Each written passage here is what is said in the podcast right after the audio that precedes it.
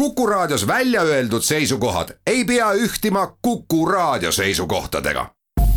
Te kuulate Kuku Raadiot.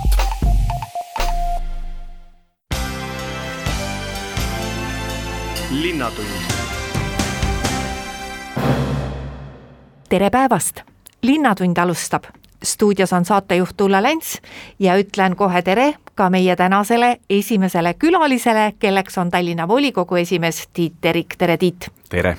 me oleme koroona tingimustes elanud juba üle aasta. kui me möödunud aastal umbes samal ajal sinuga rääkisime, siis oli põhiprobleemiks see, et äh, kuidas nendes oludes, kus väga omavahel kokku ei tahaks saada, Tallinna volikogu istungeid pidada, siis täna on see süsteem tööle läinud, ehk siis, et kui palju selle koroona aastaga on muutunud volikogu töökorraldus volikogu töökorraldus on väga palju muutunud, meil selliseid nii-öelda kontaktkoosolekuid ja kontaktistungeid ju noh, viimasel ajal sisuliselt ei ole, et, et et siin tuleb tänada meie Eesti IT-ettevõtjaid, kes meile selle infosüsteemi teele lõid, millega me saame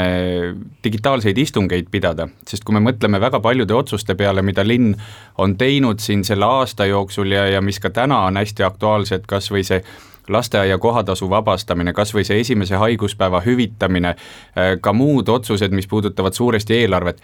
linnavalitsus jah, pakub neid meetmeid välja, aga enne seda, kui volikogu ei ole seda ära otsustanud ja haamrikolks ei ole kõlanud,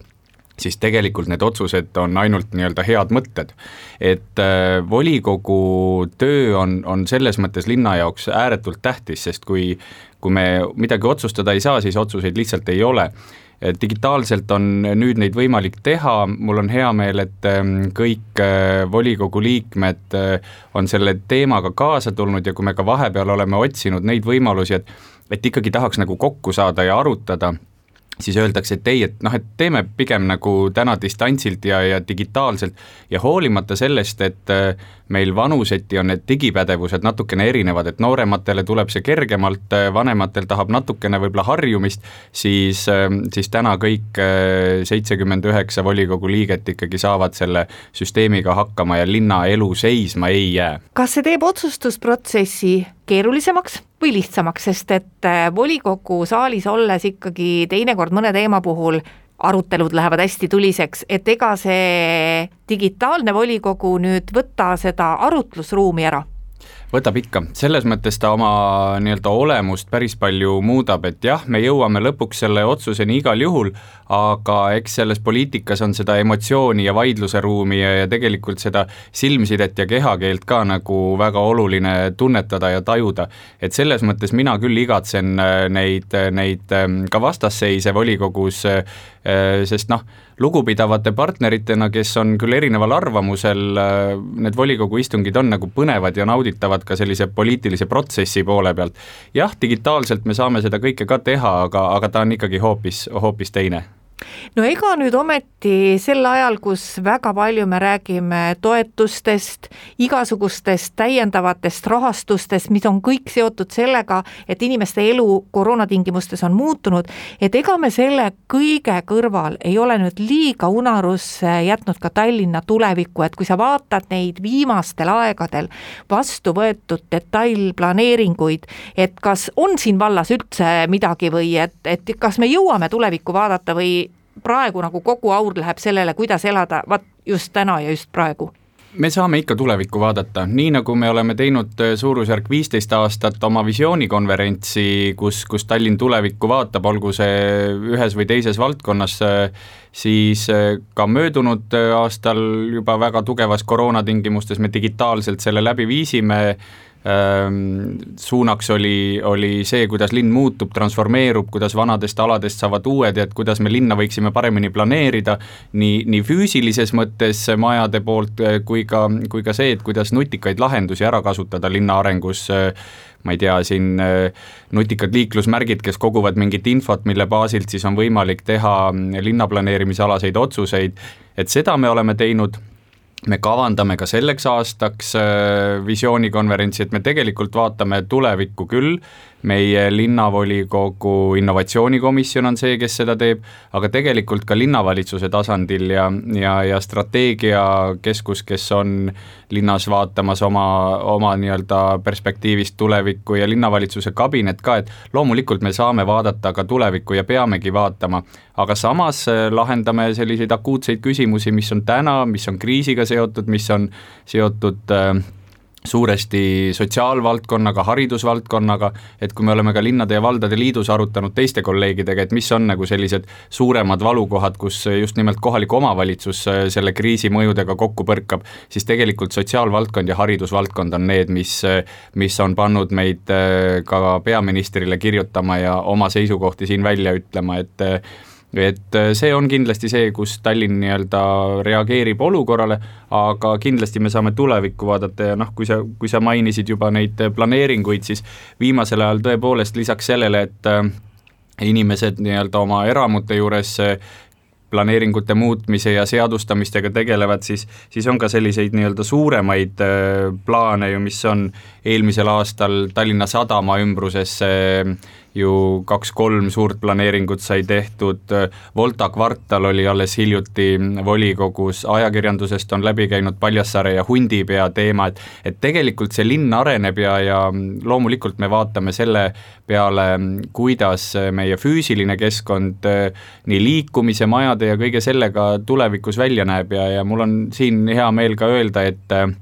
et see mõttemaailm on ühtepidi muutuma hakanud, et me, me näeme nagu väga selgelt eh, nii elanike kui ka linna administratsiooni tasandilt seda, et, eh, et eh, rohkem ruumi jalakäijale, kergliiklejale, autosid me küll otseselt ei ahista, nii nagu võib-olla mõned minu kolleegid volikogus ütlevad, et me ahistame autojuhte, ei, seda, seda ühtepidi ei ole, aga, aga et see linna muutumine võtab aega, et, et kui kuulata erinevaid arvamusi, mõned on kärsitud, et miks midagi ei juhtu, miks midagi kiiremini ei lähe,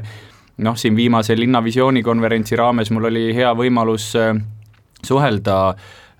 Gordon Douglas, kes on, kes on nii Helsingit kui ka, kui ka muid maailma piirkondi linnaplaneerijana nagu vaadanud, ütleb, et aga see tsükkel ongi suurusjärk kolmkümmend aastat, kus ka nii-öelda mõttemall muutub ja siis hakatakse ka füüsilist keskkonda nii-öelda muutma, et me liigume Tallinnas kindlasti sinnapoole. kas selle füüsilise keskkonna muutmises me täna lähtume sellest, et äh, rohepööre on maailmas teadvustatud ja et ükskõik, mida me teeme, kuidas me oma linna muudame, siis see keskkonna aspekt on kõige tähtsam. absoluutselt, Äh, Tallinnas on see ka väga oluline, et vähe sellest, et me oleme päris äh, hea mitmel aastal pürginud roheliseks pealinnaks ja, ja, ja üha rohkem tegelikult endale teadvustamas seda, et äh, roheline pealinn ei tähenda seda, et meil on ristmike ääres ja hoovides lillekastid ja, ja, ja palju puid. et tegelikult see, mis linna puhul sellist rohelise linna mõõdet annab, on ka väga selgelt see nii-öelda strateegiliste arengudokumentide olemasolu, et me, me reaalselt ka mõtleme selles võtmes äh, lisaks, äh, ma ei tea, lillekastidele, alates ühistranspordist, lõpetades planeeringute ja kõige muuga välja ja, ja hetkel saab öelda seda, et linn on äh, ka kliimakavaga hetkel töötamas, mis mingil hetkel tuleb ka äh, Äh, volikokku arutamisele ja otsustamiseks, aga täna on see kliimakava Tallinna kodulehel väljas ja ja kuni seitsmenda aprillini saavad inimesed sinna ise oma ettepanekuid ähm, teha, siis tuleb ta volikokku esimeseks laiemaks aruteluks äh, linnavalitsus võtab ta siis uuesti nende mõtetega kokku ja, ja siis ta tuleb juba volikokku nii-öelda otsustamiseks, et tegelikult ka strateegilise mõtlemise ja, ja sellise linnaplaneerimise tasandil äh, rohelist äh, me, me jälgime põhimõtteliselt igal sammul. me teeme siinkohal oma jutuajamisse väikese pausi ja läheme hetke pärast edasi. linnatund linnatund läheb edasi, stuudios on Tallinna linnavolikogu esimees Tiit Terik ja Tiit, me elame ju valimiste aastas, ehk siis kohalike omavalitsuste volikogude valimisteni on jäänud hästi vähe aega. siis vaieldakse väga paljudel teemadel. mida sa ise tunned või mida sa tahaksid, mis on need sõlmasjad, mida mis võiks saada nende valimiste ajal erinevate poliitikute poolt selgeks vaieldud, et äh, loomulikult äh, tuleb igasuguseid teemasid, aga, aga missugustel teemadelt sina tahaksid diskuteerida? mina nagu pigem vaataks seda, et kuidas me saame seda Tallinna linna elukeskkonda nende inimeste jaoks, kes siin elavad, paremaks muuta ehk et see, kuidas inimene, kas ta on Männikult, kas ta on Pirita Koselt või, või, või Lasnamäelt või Kristiinest, kuidas tema tunnetab oma koduümbrust, oma seda väikest kvartalit, kus ta elab, kuidas ta saab hakkama nende teenustega, mis siin Tallinnas on, kuidas see toetab tema olemist, et Tallinn oleks ähm, ühtepidi selline mõnus äh, keskkond, kus elada, aga mis samas ähm, tõmbaks juurde kindlasti ka tarku päid maailmast, et meil oleks äh, siin ettevõtlust, et meil oleks äh, mitte ainuüksi oma tarkusest äh, tehtavaid asju, aga et Tallinn oleks nii-öelda märgatud ka mujalt maailmast, et meie loosung, mida meie innovatsiooniinimesed Tallinnas räägivad, et, et mõtle globaalselt ja testi Tallinnas, et me oleksime selliste uute, uute lahendustega katsepolügoon näiteks, mis loomulikult kõditab meie sellist uhkustunnet ja, ja saaks öelda, et äh, ma olen Tallinnast ja, ja me oleme selline väga äge, avatud ja innovaatiline roheline linn, ehk et nende lahenduste peale võiks mõelda kindlasti on siin vajakajäämisi, kus me tegelikult saaksime paremini teha ja, ja millega neid nii-öelda ähm,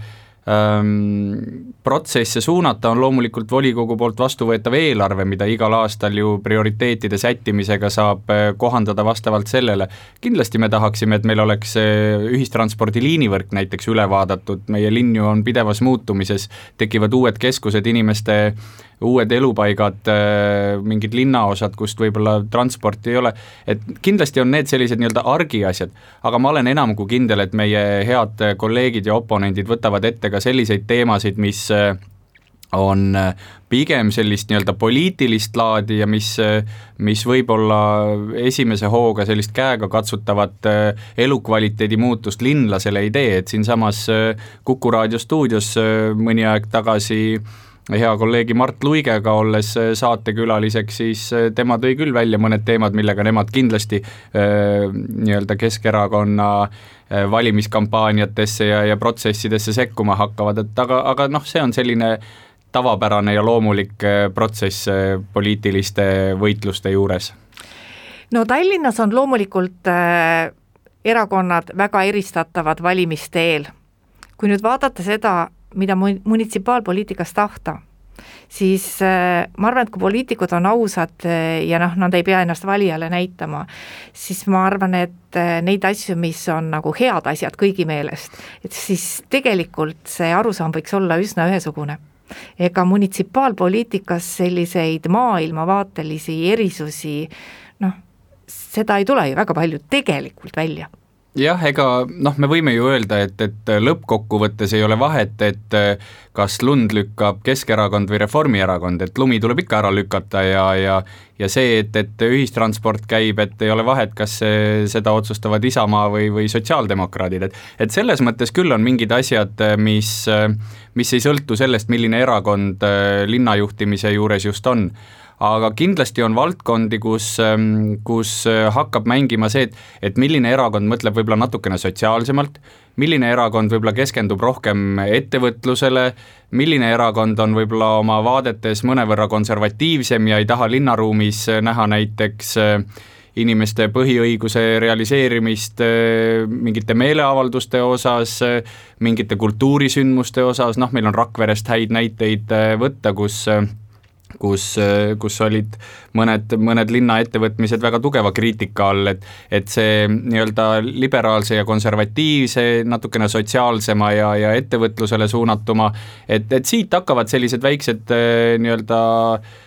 erisused välja tulema, aga, aga kui me mõtleme jah, okste lõikamisest ja tänava lükkamisest ja, ja, ja vaba aja keskuse ringide toimimisest, noh siis see otseselt muidugi ei, ei ole mõjutatud väga selgelt nii-öelda parteipoliitilisest agendast. miks on nii, et äh, kui Tallinna volikogu valimistel kandideeritakse, siis on meil seal hästi palju tuntud inimesi, ma olen täiesti kindel, et ka kõik ministrid kandideerivad,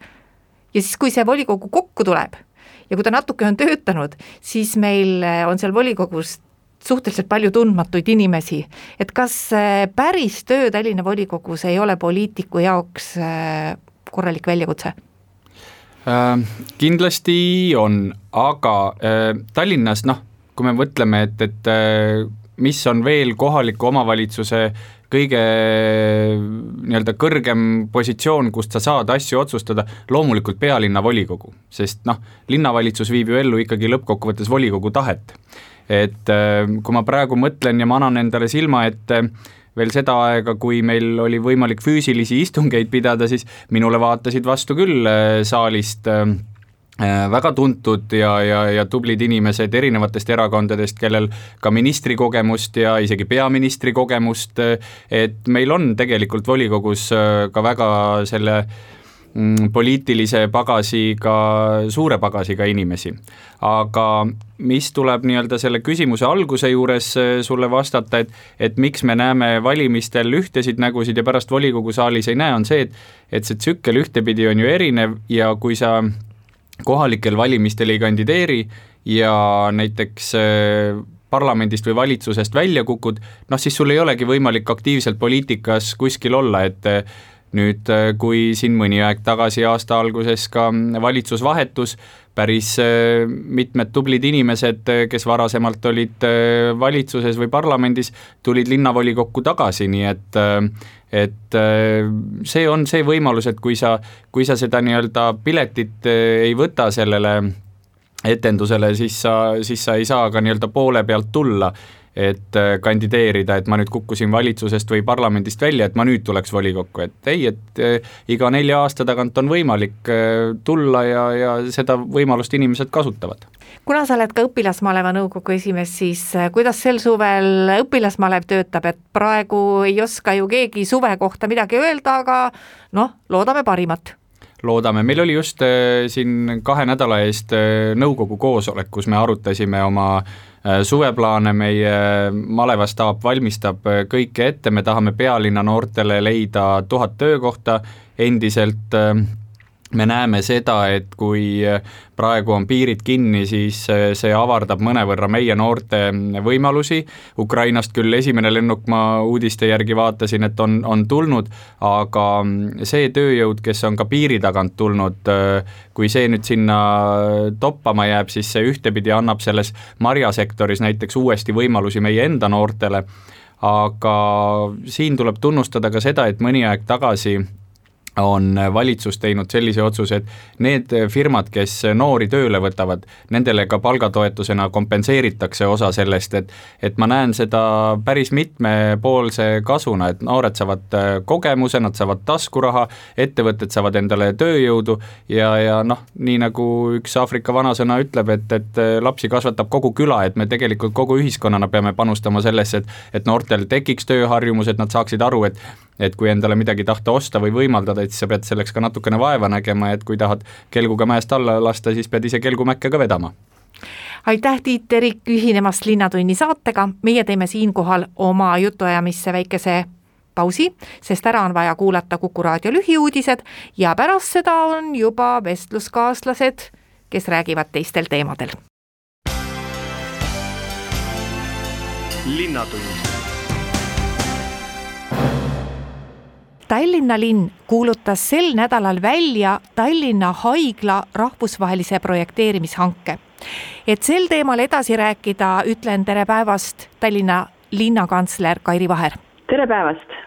võib-olla võiks kohe alguseks kokku võtta ka selle töö, mis sellele hanke väljakuulutamisele eelnes, sest äh, see ei olnud niisama päevapealt tehtud otsus, äh, tööd on tehtud mitme aasta jooksul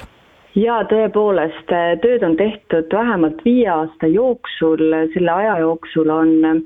hinnatud äh, ka seda, millist haiglat Tallinna linn vajab, läbi on viidud äh, funktsionaalne arengukava koostamine, mis on ka kinnitatud äh, Sotsiaalministeeriumi poolt, ehk siis tegelikult meil on teada, millist haiglat me vajame, milliseid funktsioone, milliseid äh, kliinikuid äh, me vajame selles haiglas ning see eeltöö on olnud väga pikk ja põhjalik. lisaks oleme ka mm, teinud selle analüüsi, millised ruuminõudmised on vajalikud selleks, et kaasaegset tehnoloogiat, meditsiinitehnoloogiat sinna haiglasse tuua, installeerida, milliseid tehnilisi tingimusi peame me projekteerimise puhul arvestama. ja see kõik eelnev töö ongi selleks, et meil oleks üleüldse olnud võimalik eh, projekteerimishange kokku panna ja see ka tänaseks välja kuulutada. et eh, tööd on tehtud palju ja, ja täna oleme sellise olulise vers-, verstaposti juures, kus meil on rahvusvaheline projekteerimishange välja kuulutatud no me ütleme küll Tallinna haigla, tegelikult eh, ei mõelda tõenäoliselt ainult ühele omavalitsusele kuuluvat haiglat, vaid ma eeldan, et kui on juba hankeni jõutud, projekteerimishankeni jõutud, siis on vaadatud ka seda, kuidas see sobitub kogu Põhja-Eesti ravimise pilti täna, et eh, Põhja-Eesti ühte sellist haiglat vajab absoluutselt. Ja tegemist ei ole tõesti ühe kohaliku omavalitsuse väikehaiglaga, me kaugelt sellest, me räägime ikkagi äh, suurest äh, haiglast, mis teenindab mitte ainult Tallinna elanikke, vaid ka Tallinna lähedal olevaid elanikke ja ka kaugemalt, et, et kui me võtame praegu kas või Ida-Tallinna Keskhaigla või ka Lääne-Tallinna Keskhaigla, siis nende patsiendid on väga sageli hoopiski kaugematest regioonidest, olgu selleks siis äh, Eesti saared, äh, Kesk-Eesti või, või, või Ida-Eesti. haigeid tuleb üle Eesti ka praegu Tallinna haiglatesse no nii suure projekti puhul on üsna loomulik, et tegemist on rahvusvahelise hankega, et et see pakkujate võimalik valik oleks võimalikult suur? absoluutselt ja me tegelikult otsime tippkompetentsi. oluline on see, et need, kes tulevad projekteerima, oleks varem äh, haigla projekteerimisega kokku puutunud, sest haigla on väga spetsiifiline hoone oma logistikaga, oma tehniliste nõudmistega ja seetõttu on väga oluline, et projekteerijal oleks vastav Äh, kogemus olemas, mistõttu me näeme, et äh, kuna ka tegemist on väga suure mahuga, et meie heal tasemel Eesti arhitektid tuleksid kindlasti konkureerima, aga tõenäoliselt on, on vajalik kaasata ka teatud kompetentse väljastpoolt Eestit. ja loomulikult on ka rahvusvahelised suured projekteerimisbürood oodatud ta tuleb ka sellisesse kohta mis äh, iseenesest on suhteliselt nõudlik. et noh, äh, siiani on räägitud, et tuleb Lasnamäele, no olgem ausad, ta ei tule kusagile Lasnamäe lõppu, et äh, see, et Tallinn annab sellise maineka koha sellele hoonele, näitab, kui tähtis see Tallinnale on, aga kuhu täpsemalt? tõepoolest, ta tuleb küll Lasnamäe linnaossa, aga väga, väga olulisse paika tegelikult ei, ei ole ju sealt haiglast kaugel ka Tallinna Lauluväljak ja muud suured arendused, mis, mis Lasnamäel lähiaastatel aset leiavad. Tegemist on väga suure territooriumiga ja me ei, ei ehita lihtsalt sinna piltlikult öeldes betoonist kasti, vaid me ehitame keskkonda, me ehitame sellist haiglat, kus kõik patsiendid tunneksid ennast hästi, nad terveneksid tänu ka keskkonnale kiiremini ja kus oleks ka meditsiinipersonalil hea töötada. et me püüame arvestada inimest, inimese vajadusi ja luua siis sellise uue keskkonna ja milleks on ka meil ideaalsed võimalused, sellepärast et nii-öelda äh, alati on, on lihtsam ehitada haiglat nullist, äh, kui ehitada olemasoleva haiglale juurdeehitusi see võimalus on meil siis nüüd Lasnamäel olemas, et me saame nullist ehitada, projekteerida täpselt sellist kaasaegset haiglat, nagu Tallinn vajab. Kas seetõttu, et äh, võimalik projekteerija kasutaks ära kõiki selle koha Eh, iseärasusi ja eeliseid, esitasite te ka tingimuse, et tuleks hindamiskomisjonile esitada kavandatava hoone ja maastiku arhitektuuri kontseptsioon täpselt nii. Ja, ja meil on erinevad hindamiskriteeriumid, mida me hindame selleks, et parim pakkuja välja valida. Ja hindamiskriteeriumis number üks ei olegi hind, sellepärast et me ehitame ikkagi sajandi ehitist. Ja väga oluline on see, et ähm, ka järeltulevatele põlvkondadele Tallinna Haigla oleks kena,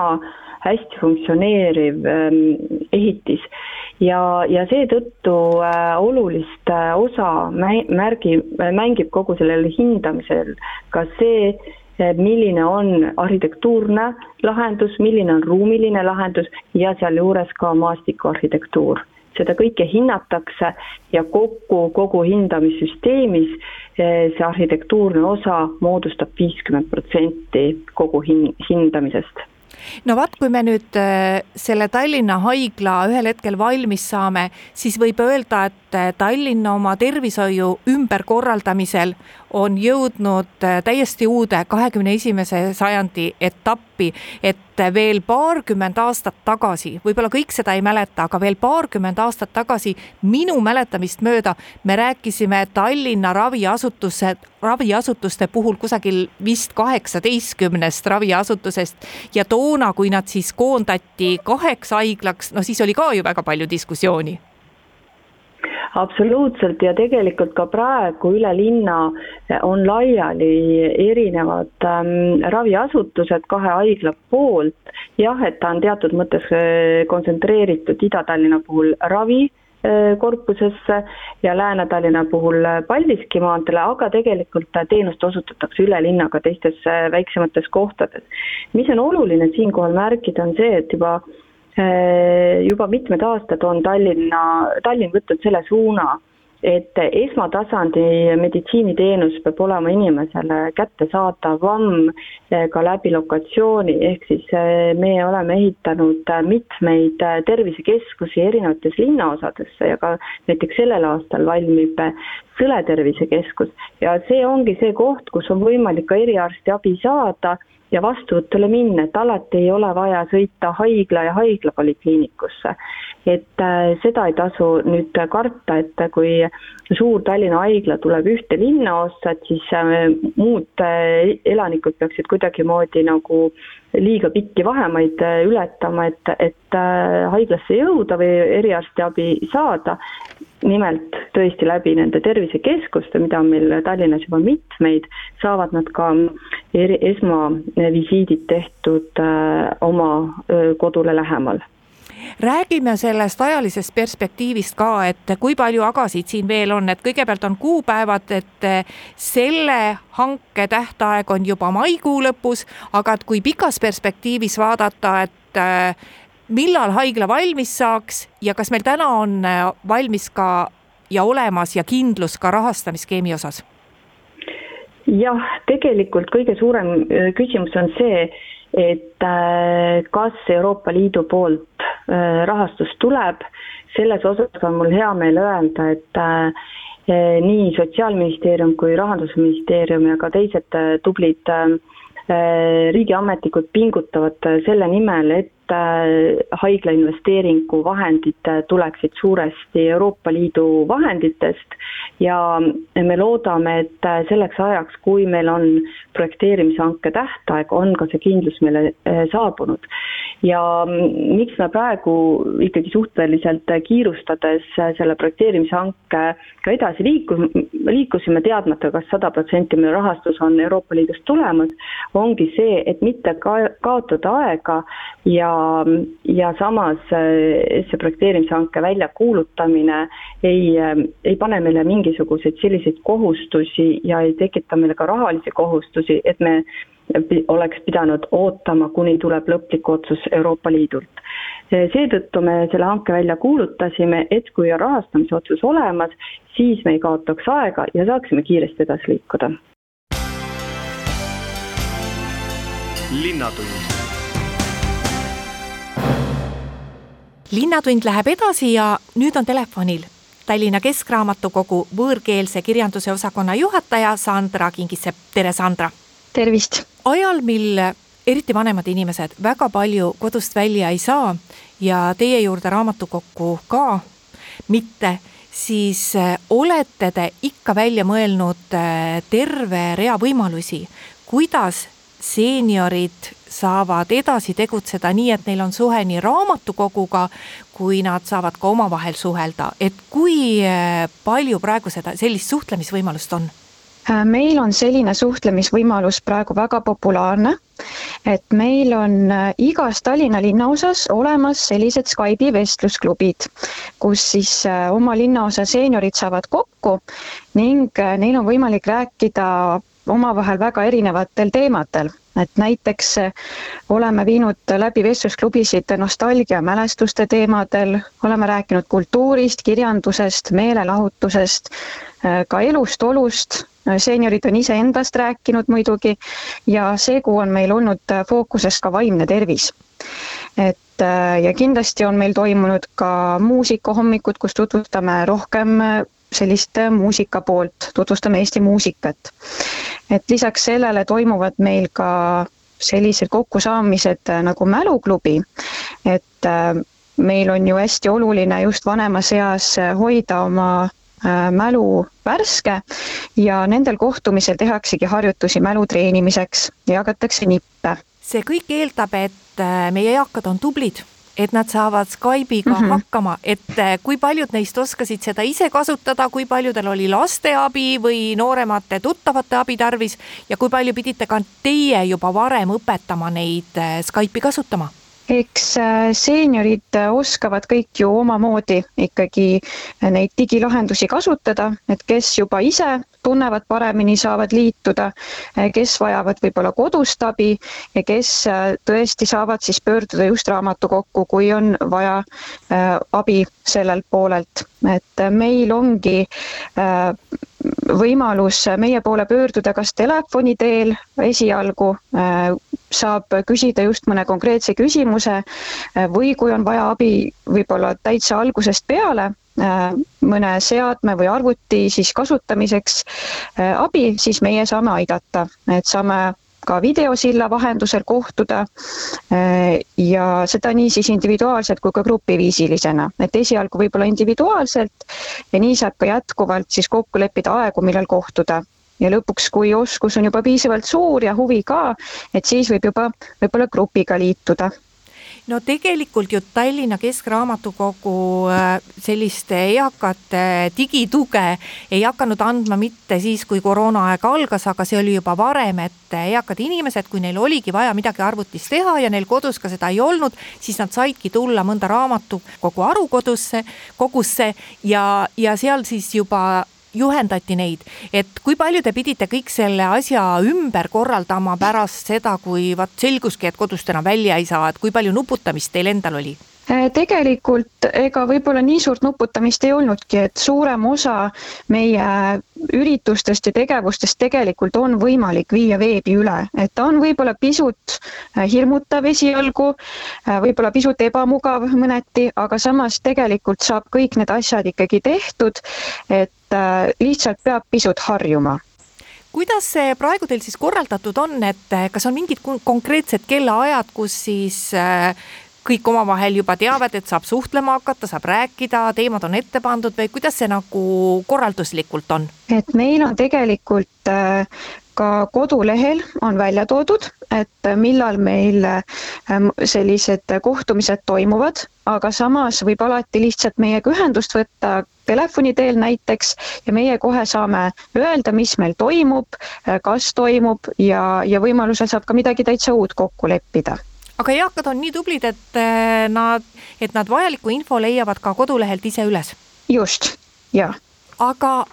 ainult eakatega te ju ei tegele, et tegelete nooremate inimestega ka, et eh, kui palju on võimalik sellist eh, õpituge anda? noortele ja lastele me pakume ka tõesti erinevaid asju, et lastele me näiteks loeme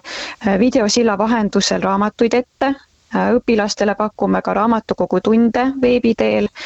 Äh, lisaks äh, noortele on meil ka näiteks Vaimse Tervise klubi olemas, jututoad ja aitame kindlasti ka kodutöödega, et meil on selleks erinevad lahendused välja täit-, välja mõeldud. kui palju lapsed või noored osalevad?